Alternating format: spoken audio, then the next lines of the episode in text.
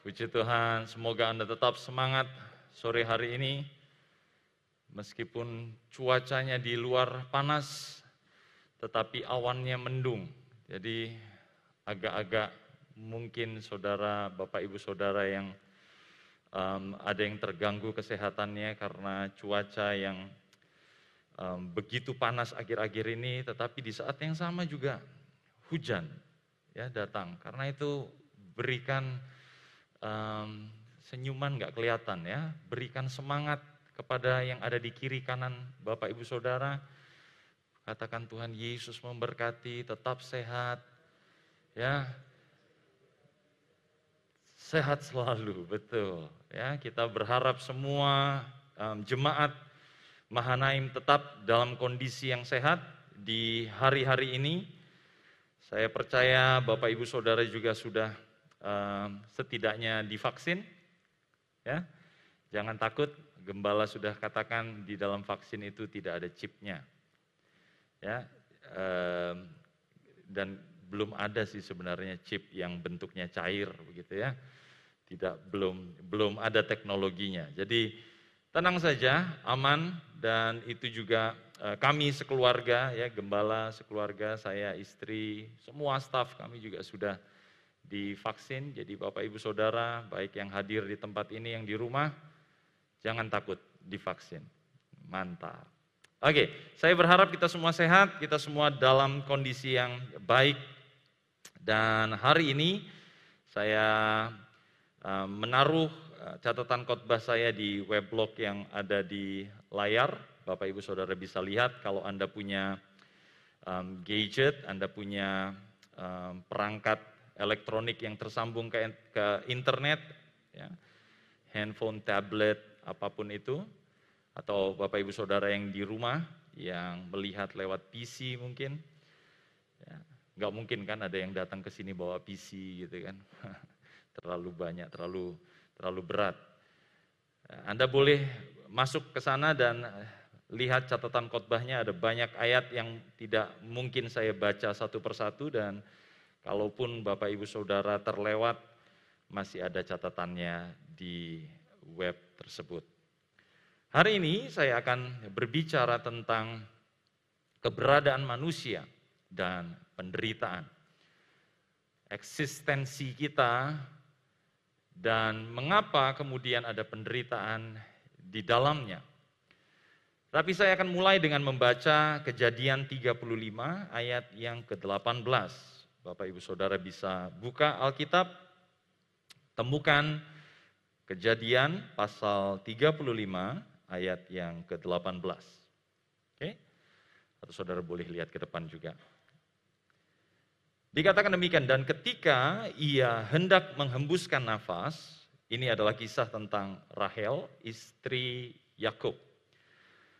Sebab ia mati kemudian, diberikannya lah nama Ben Oni kepada anak itu, tetapi ayahnya menamainya Benyamin.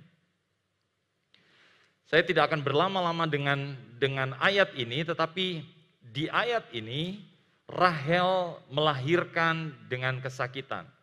Kita tahu bersama ini adalah eh, sesuatu yang sama dari dulu sampai sekarang.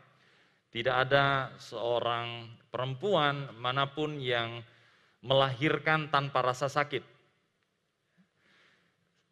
Setidaknya belum pernah saya dengar ada orang yang melahirkan sambil ngakak gitu kan, wah terus keluar bayinya. Um, semua dengan rasa sakit. Dan kalau kita runut sampai ke kitab kejadian, jelas di sana dikatakan Tuhan mengatakan kepada Hawa, kepada perempuan pertama, bahwa engkau akan melahirkan dengan sakit. Ya, engkau akan melahirkan dengan rasa sakit. Jadi saya juga tidak tahu dan tidak mau berspekulasi apakah um, seharusnya kita melahirkan pain free kalau kita tidak jatuh di dalam dosa. Ya, tanpa rasa sakit. Saya rasa makin banyak penduduk bumi gitu ya. Dengan rasa sakit saja sudah ada 7 miliar uh, uh, manusia. Jadi Rahel melahirkan anak ini yang yang nantinya dinamai Benyamin dengan sebutan atau dengan nama Ben Oni, yaitu anak ya penderitaan anak yang lahir dilahirkan dengan rasa sakit.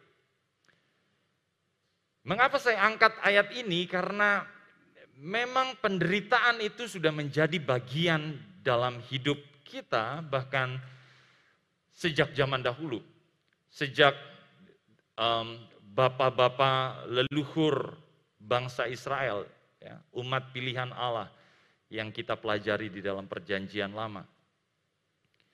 Nah, Bapak Ibu Saudara, di dalam kehidupan ini ada banyak pertanyaan yang yang sering muncul.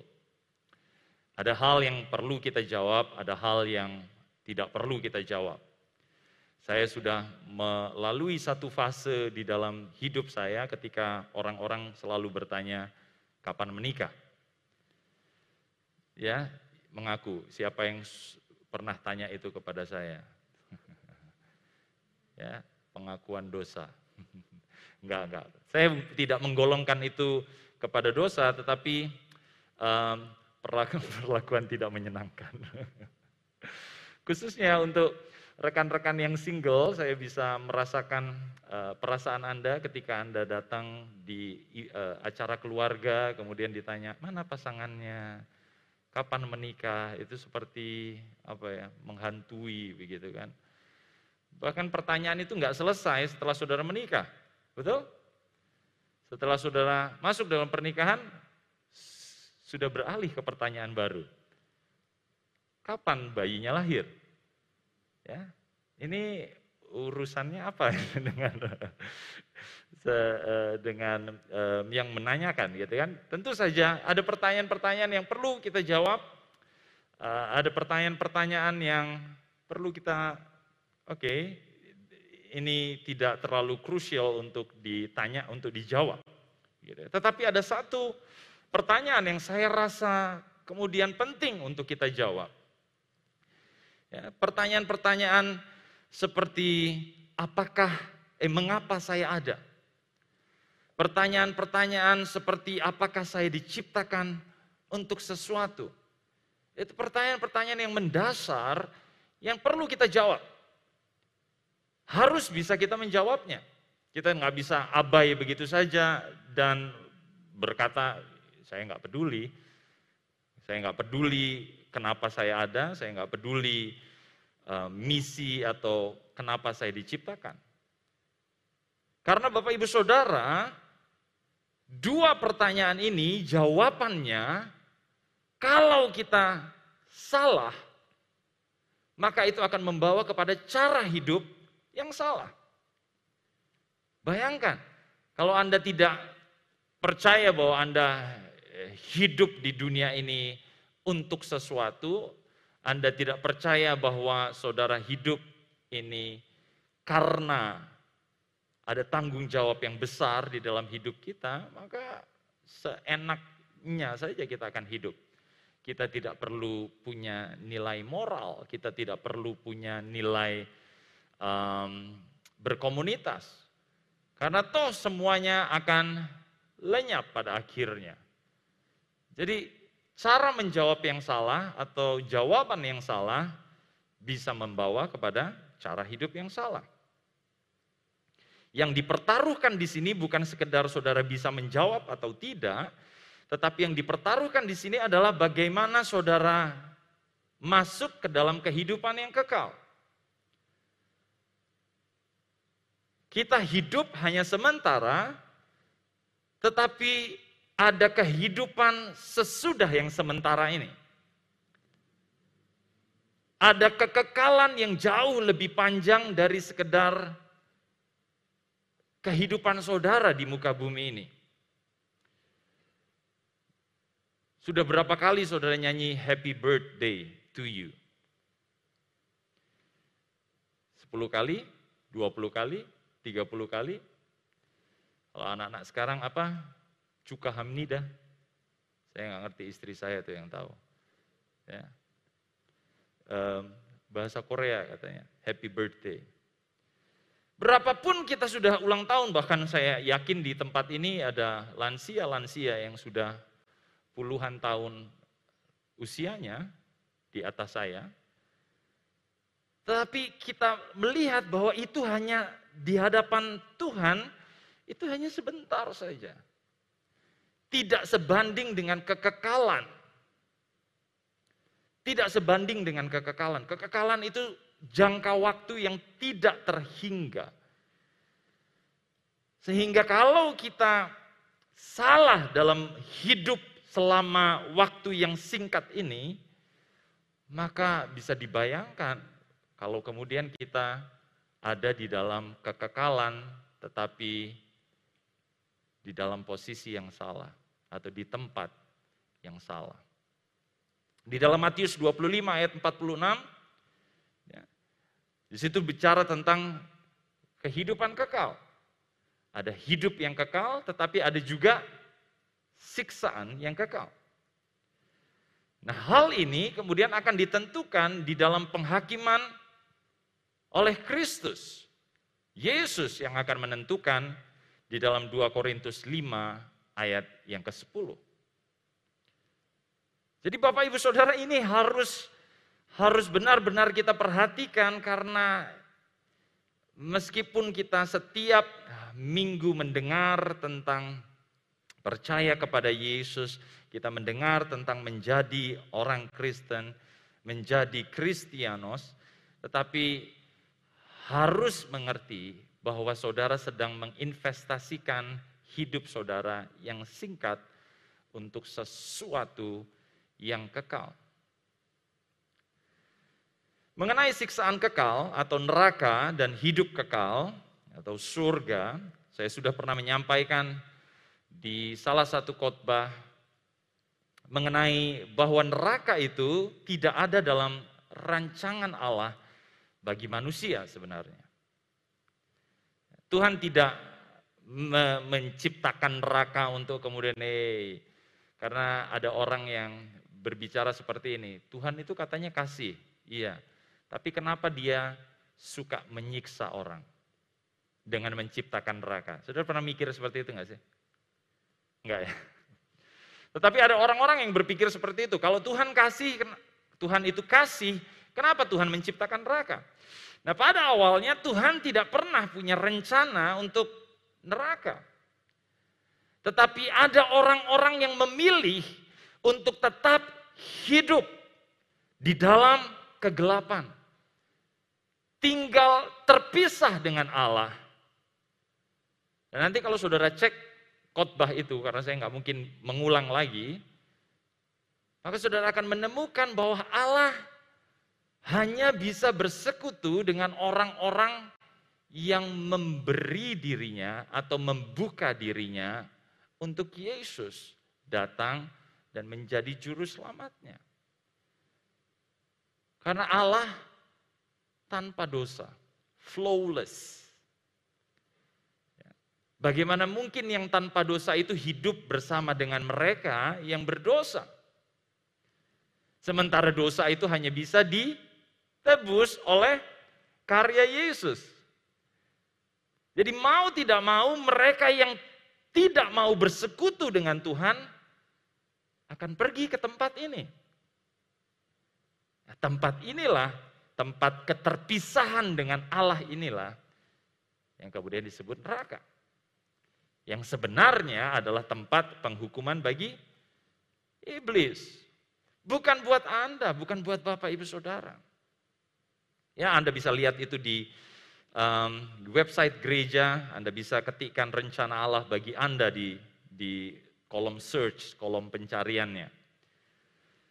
Nah, tentang Kristus yang akan menghakimi, yang akan menentukan apa yang kita peroleh nantinya, apakah siksaan kekal atau kehidupan kekal, itu kita harus mengerti bahwa masuk ke dalam kehidupan yang kekal itu bukan sekedar um, untung-untungan begitu ya. Kalau saya bisa ya syukur gitu ya. Saya berusaha hidup seperti ini ya syukur-syukur saya akan masuk ke dalam kehidupan kekal. Saya rasa cara berpikir atau cara pemahaman yang seperti ini akan membuat kita hidup juga tidak berusaha gitu loh, tidak tidak rajin, tidak merajinkan diri kita untuk beribadah, untuk mencari Tuhan. Karena kan syukur-syukur gitu toh. Ya syukur-syukur kalau saya masuk surga. Jadi Bapak Ibu Saudara kita harus mengerti bagaimana kita mendengar, bagaimana kita percaya, bagaimana kita melakukan bagian kita seperti apa yang Tuhan sudah ciptakan Anda untuk melakukannya. Karena setiap kita punya misi dari Tuhan. Saya pernah khotbahkan juga ini, tetapi tidak ada di website gereja, sudah bisa lihat di weblog saya dan cari kata kunci misi kita di dunia.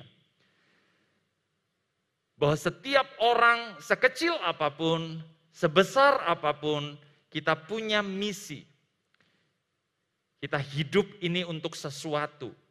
Jadi Anda yang belum punya tujuan, yang kalau ditanya apa tujuan hidupmu nggak tahu, saya sarankan Anda untuk baca ya artikel khotbah itu. Ada sih orang-orang yang memang tidak percaya bahwa hidupnya punya misi. Karena itu mereka kemudian hidup sembarangan. Tetapi lucunya ada yang hidup sembarangan tetapi berharap nanti matinya tenang. Matinya masuk di dalam kekekalan. Bagaimana mungkin? Ya, seperti seseorang yang Paulus katakan tidak mau bekerja, terus berharap dapat makanan begitu kan. Bagaimana kita tidak uh, bagaimana kita bisa mendapatkan kehidupan yang kekal kalau kemudian kita tidak berusaha di dalam hidup ini. Kalau untuk mendapatkan pasangan Anda berusaha, kalau anda, untuk mendapatkan gaji, keuntungan, Bapak Ibu Saudara berusaha. Kalau Anda untuk mencapai pendidikan yang tinggi Anda berusaha untuk itu, masakan untuk hidup kekal Saudara nggak mau berusaha. Dan kemudian saudara pikir, ya siapa tahu aku masuk ke kekekalan. Mikir sekali lagi. Think about it. Kalau Anda berusaha, mati-matian loh ini. Untuk mendapatkan sesuatu, kemudian Anda berpikir bahwa untuk masuk surga kita nggak perlu berusaha gitu. Betul. Memang keselamatan itu adalah sesuatu yang cuma-cuma diberikan gratis, seseorang tidak bisa membanggakan diri atasnya. Tetapi itu seperti tiket yang diberikan kepada saudara untuk masuk ke dalam kekekalan. Dan sekarang adalah pilihan saudara untuk tetap Pegang tiket ini. Apa pun yang terjadi. Saudara nggak bisa hidup sembarangan dan kemudian, ah, apalah ini. Nanti juga dikasih lagi. Anda menganggap sepi salib Kristus. Anda menganggap remeh salib Kristus. Dengan berpikir saat saya hidup sembarangan, saya tetap bisa masuk ke dalam kehidupan yang kekal. Pikirkan sekali lagi. Saya nggak tahu apakah anak muda, apakah orang tua, apakah bapak ibu saudara yang juga melihat ini di rumah, pikirkan sekali lagi, kalau Anda berusaha untuk sesuatu, masakan untuk kekekalan saudara tidak berusaha. Kita harus mengerti bahwa tidak ada kesempatan lain sesudah hari penghakiman, Bapak Ibu Saudara. Itu hanya sekali saja terjadi dan sudah. Anda nggak bisa lagi ubah itu loh. Tidak ada remedial untuk anak-anak yang sekolah. Tidak ada semester pendek untuk yang kuliah. Saya dulu kalau nilai saya jelek, saya ikut semester pendek. Ya, dalam sekian minggu belajar lagi, perbaiki nilainya. Tetapi untuk kekekalan saudara nggak punya kesempatan lagi setelah saudara masuk ke dalam penghakiman. Kalau sudah di dalam dunia usaha setelah saudara bangkrut, saudara masih bisa naik lagi. Saudara masih bisa bangun lagi. Ketika saudara dipecat, saudara masih bisa cari kerja lagi. Tetapi kalau di dalam penghakiman kekal saudara sudah masuk ke dalam siksaan, saudara terpisah dari Yesus, tidak ada kesempatan lagi. Jadi mari kita sama-sama ketika hidup berpikir ulang gitu loh. Untuk tidak hidup dengan sembarangan. Nanti kita akan bahas juga ayatnya mengenai hal ini. Tetapi saya ingin masuk ke dalam bahasan yang berikutnya. Mengapa harus ada penderitaan di dalam keberadaan manusia? Mengapa harus ada penderitaan? Pertanyaannya kan apakah Allah menciptakan penderitaan?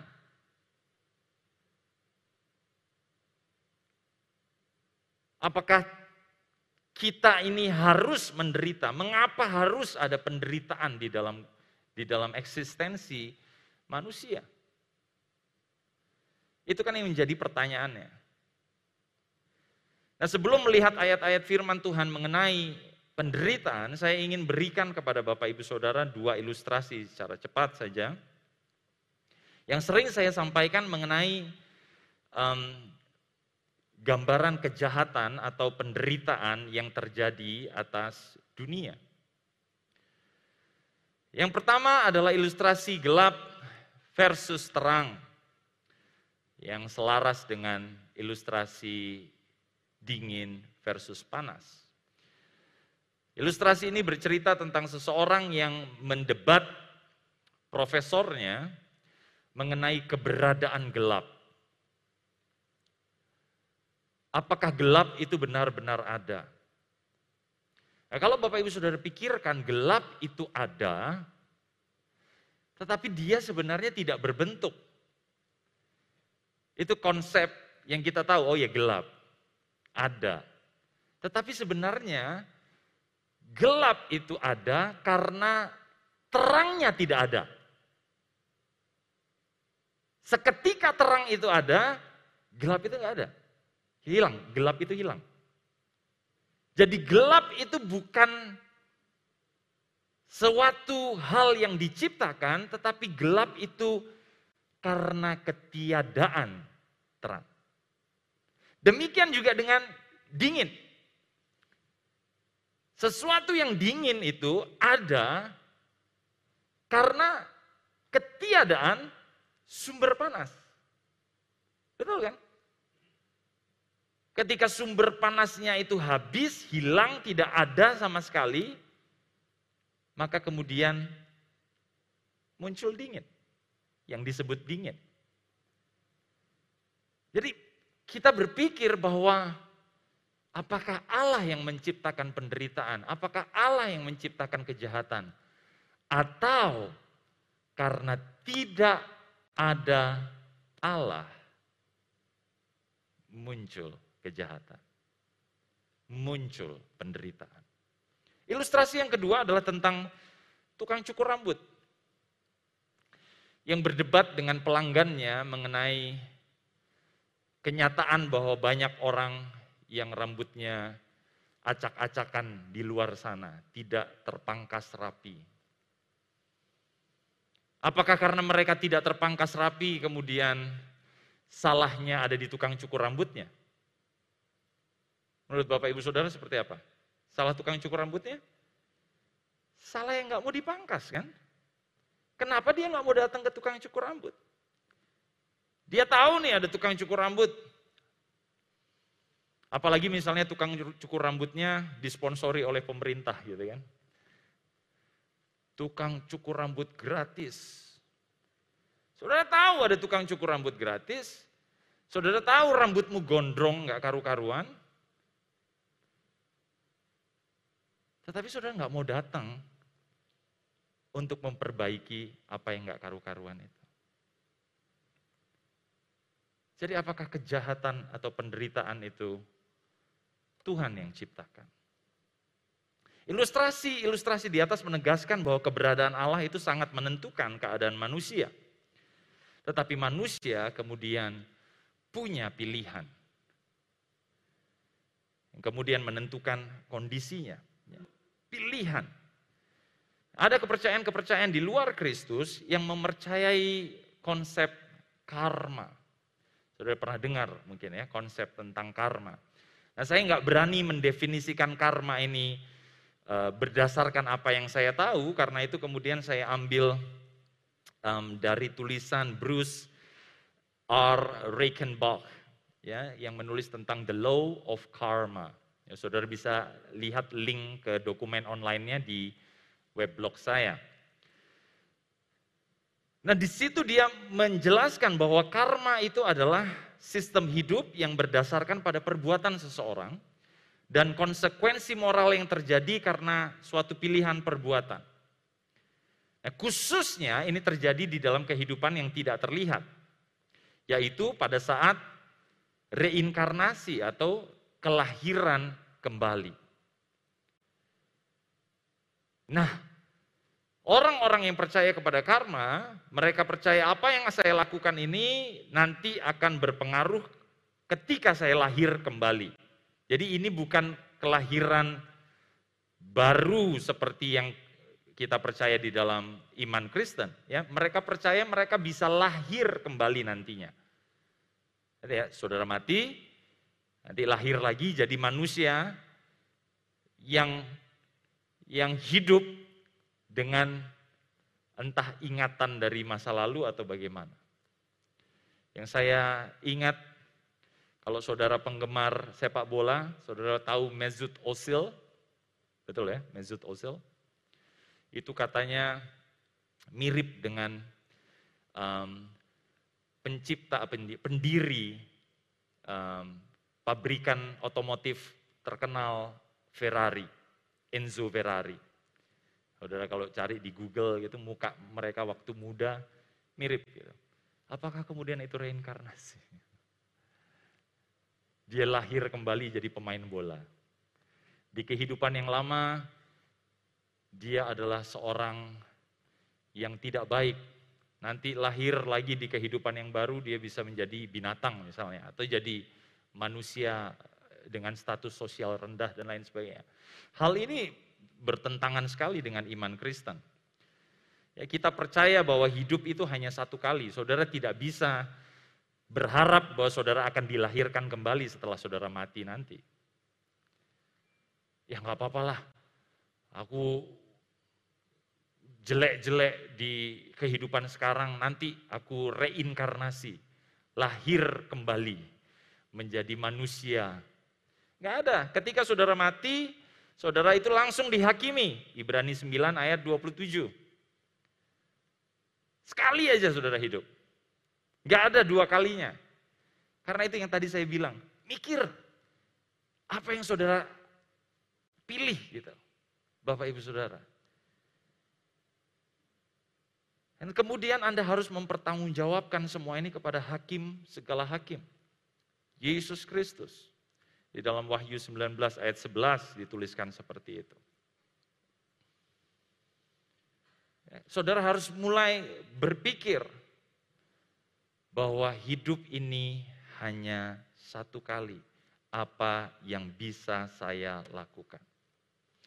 Tetapi iman Kristen percaya memang tentang seseorang harus menuai apa yang ia tabur. Ya, di dalam 2 Korintus 9 ayat yang ke-6 dituliskan mengenai hal ini.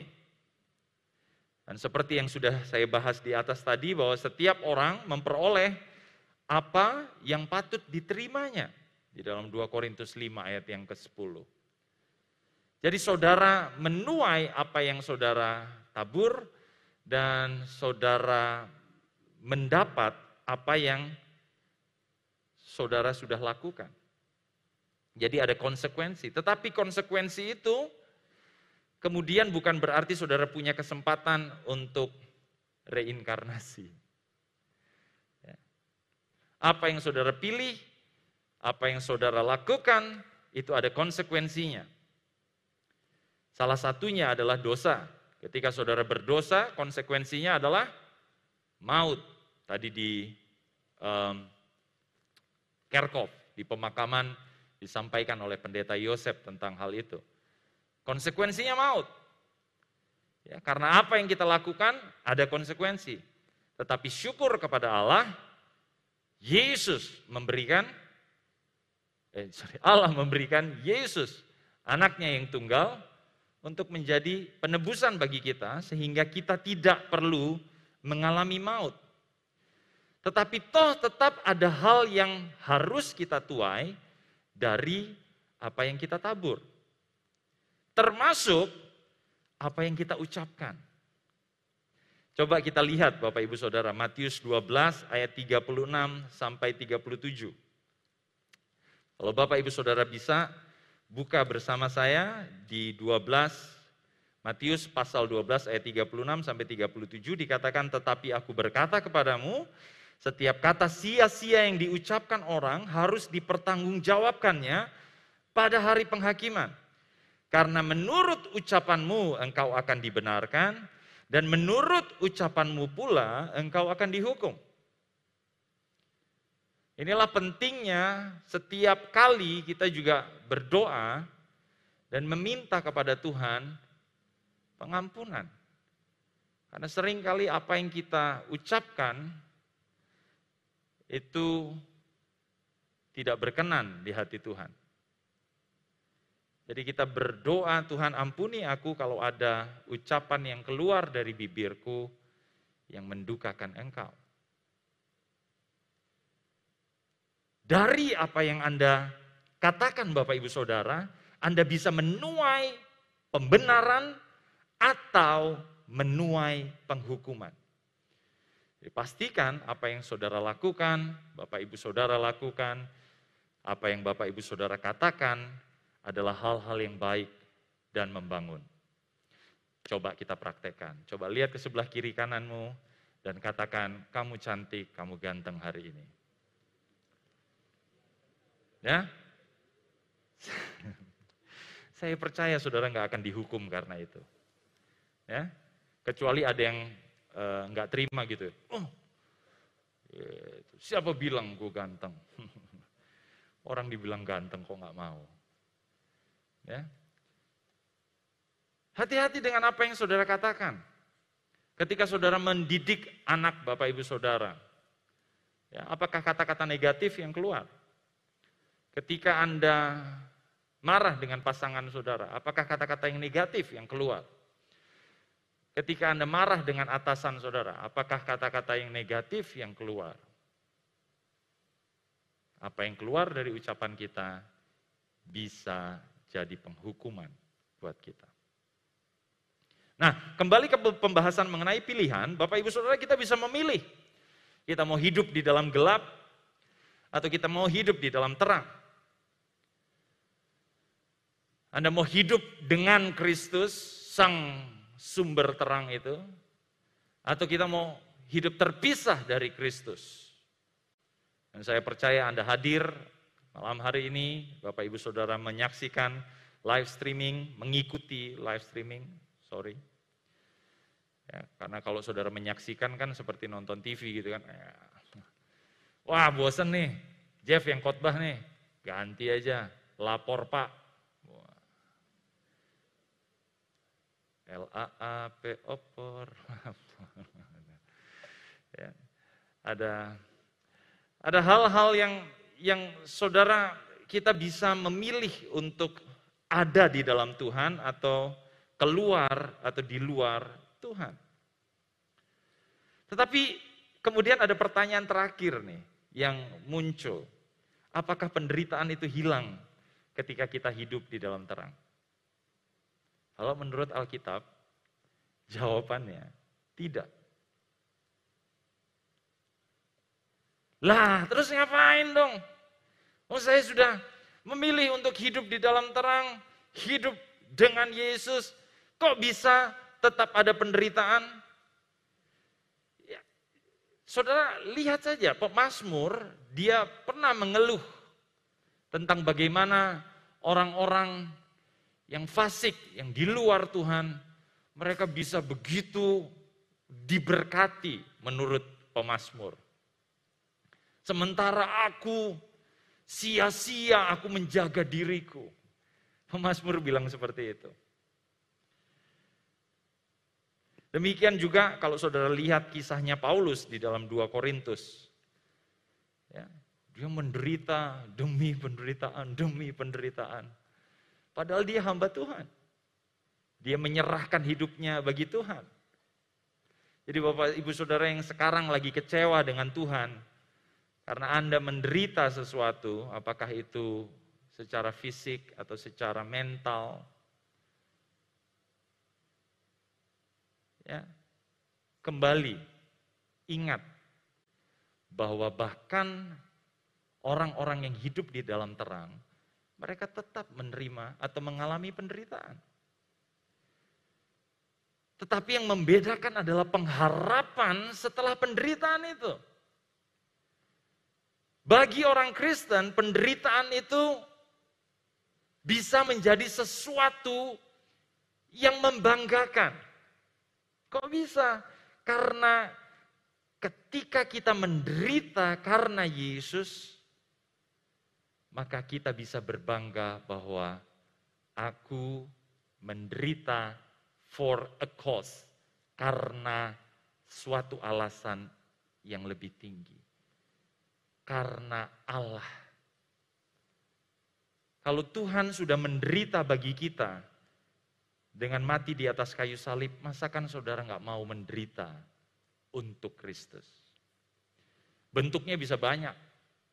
Dan saya akan kehabisan waktu untuk menjelaskan mengenai hal ini. Tetapi Bapak Ibu Saudara bisa lihat di dalam kisah Rasul, pasal 5, di dalam Filipi pasal 1, mengenai hal ini. Ya asalkan Anda menderita itu bukan karena perbuatan dosa dan perbuatan jahat ya itu tidak ada pembenarannya. Kalau saudara menderita karena saudara melakukan dosa dan melakukan jahat, saudara nggak bisa berbangga tentang hal itu. Ya, itu ayat referensinya ada di dalam 1 Petrus 2, pasal 3, eh sorry, pasal 2, pasal 3, dan pasal 4. Ya. Itu kenapa saya minta saudara misalnya mau cek ya banyak ayat-ayat di weblog itu supaya saudara bisa copy paste saja. Dan penderitaan itu juga adalah bagian awal dari kemuliaan yang akan kita terima nantinya. Jadi itu seperti bagian pertama sebelum kemudian kita mendapatkan kemuliaan. Saya tadi katakan bahwa Allah, Yesus, Tuhan kita menderita bagi kita untuk kemudian dia mendapatkan kemuliaan sebagai nama di atas segala nama, Tuhan di atas segala Tuhan, Raja di atas segala raja, Hakim di atas segala hakim.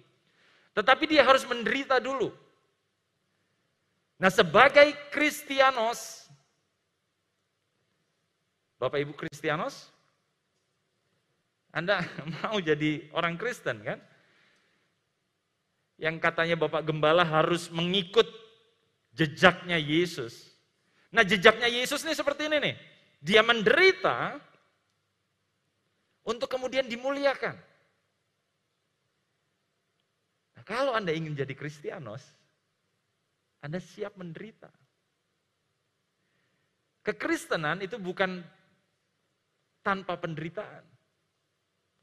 Tetapi kita menderita untuk suatu alasan yang jelas. Bahwa kita akan menerima janji Allah. Kita adalah ahli waris dari janji-janji Allah. Coba kita baca ya, Roma 8 ayat 17. Roma pasal yang ke-8 ayat yang ke-17. Dikatakan demikian Bapak Ibu Saudara. Roma 8 ayat 17. Dan jika kita adalah anak, maka kita juga adalah ahli waris Bapak Ibu Saudara yang percaya Anda disebut anak Allah. Anda jadi ahli waris. Maksudnya orang-orang yang berhak menerima janji-janji Allah. Yang akan menerimanya bersama-sama dengan Kristus. Ini nih, Kristianos tuh ini. yaitu jika kita menderita bersama-sama dengan Dia, supaya kita juga dipermuliakan bersama-sama dengan Dia. Kalau Anda mau masuk ke dalam kekekalan, kemuliaan, jangan takut dengan penderitaan. Yesus sudah melaluinya terlebih dahulu. Percaya Bapak Ibu Saudara. Bapak Ibu Saudara juga bisa lihat ya referensinya di 1 Petrus 5 ayat yang ke-10. Nah, pada akhirnya saya ingin menutup dengan hal ini. Jika Tuhan mengizinkan kita mengalami penderitaan, meskipun kita sudah memilih untuk hidup di dalam terang, Bapak Ibu Saudara harus pegang pedoman ini. Bahwa saudara tidak takut, saudara tidak gentar, karena kebahagiaan akan menjadi bagian orang-orang yang melakukan kebenaran.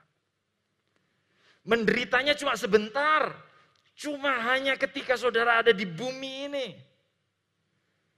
Tetapi kemuliaannya itu kekal. Enggak terbandingkan. Jadi jangan mau kemudian Anda diminta untuk tukar kepercayaan Anda kepada Yesus, Bapak Ibu Saudara, dengan pasangan. Kalau pasangan Anda minta, kalau kamu nggak mau tinggalkan Yesusmu, aku nggak mau menikah dengan kamu. Kalau Anda dihadapkan pada pertanyaan yang seperti ini gimana? Anak-anak muda, rekan-rekan yang akan masuk ke dalam pernikahan.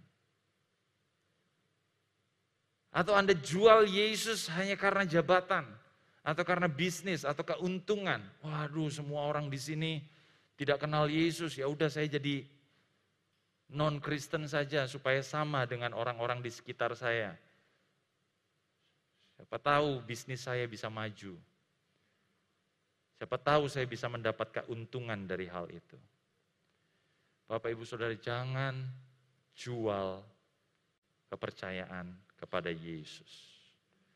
Di dalam 1 Petrus 3 ayat 14, kebahagiaan itu akan jadi bagian saudara kalau Anda tetap hidup benar. Percayalah, saat Anda memilih hidup yang kekal, penderitaan itu tidak akan menyentuh Anda lagi di dalam kekekalan. Di dalam Wahyu 7, ya, ayat 16 dikatakan demikian. Bahwa saudara nanti ketika di dalam kekekalan sudah tidak lagi merasakan penderitaan badani. Tidak ada lagi sakit, tidak ada lagi air mata. Saya rindu sampai ke sana. Tetapi kalau untuk sampai ke sana saya harus menderita dulu di dunia ini, maka saya akan pegang, saya akan taruh pengharapan saya kepada Yesus. Kepada dia yang dari sorga datang ke dunia. Dia yang akan bawa kita kembali ke sana. Bapak ibu saudara, semoga malam hari ini Bapak ibu, saudara saudari yang terkasih mengenali mengapa kita ini hidup Mengapa saya ada saat ini? Dan ke mana arah tujuan saya nantinya? Saya percaya Bapak Ibu Saudara, kita hidup untuk Yesus. Kita hidup untuk sampai kepada kekekalan. Dan karena itu, selama kita masih ada di dunia ini, lakukan yang baik lakukan yang Tuhan mau. Jadilah Kristianos. Dan kalaupun kita harus menderita ketika ada di dunia ini, percayalah Tuhan tidak akan pernah tinggalkan Anda sendirian. Roh Kudus disebut adalah roh penghibur. Dia yang akan menghibur Bapak Ibu Saudara dan memberikan kita kekuatan untuk setia sampai akhirnya. Karena Allah kita adalah Allah yang dahsyat, Allah yang luar biasa.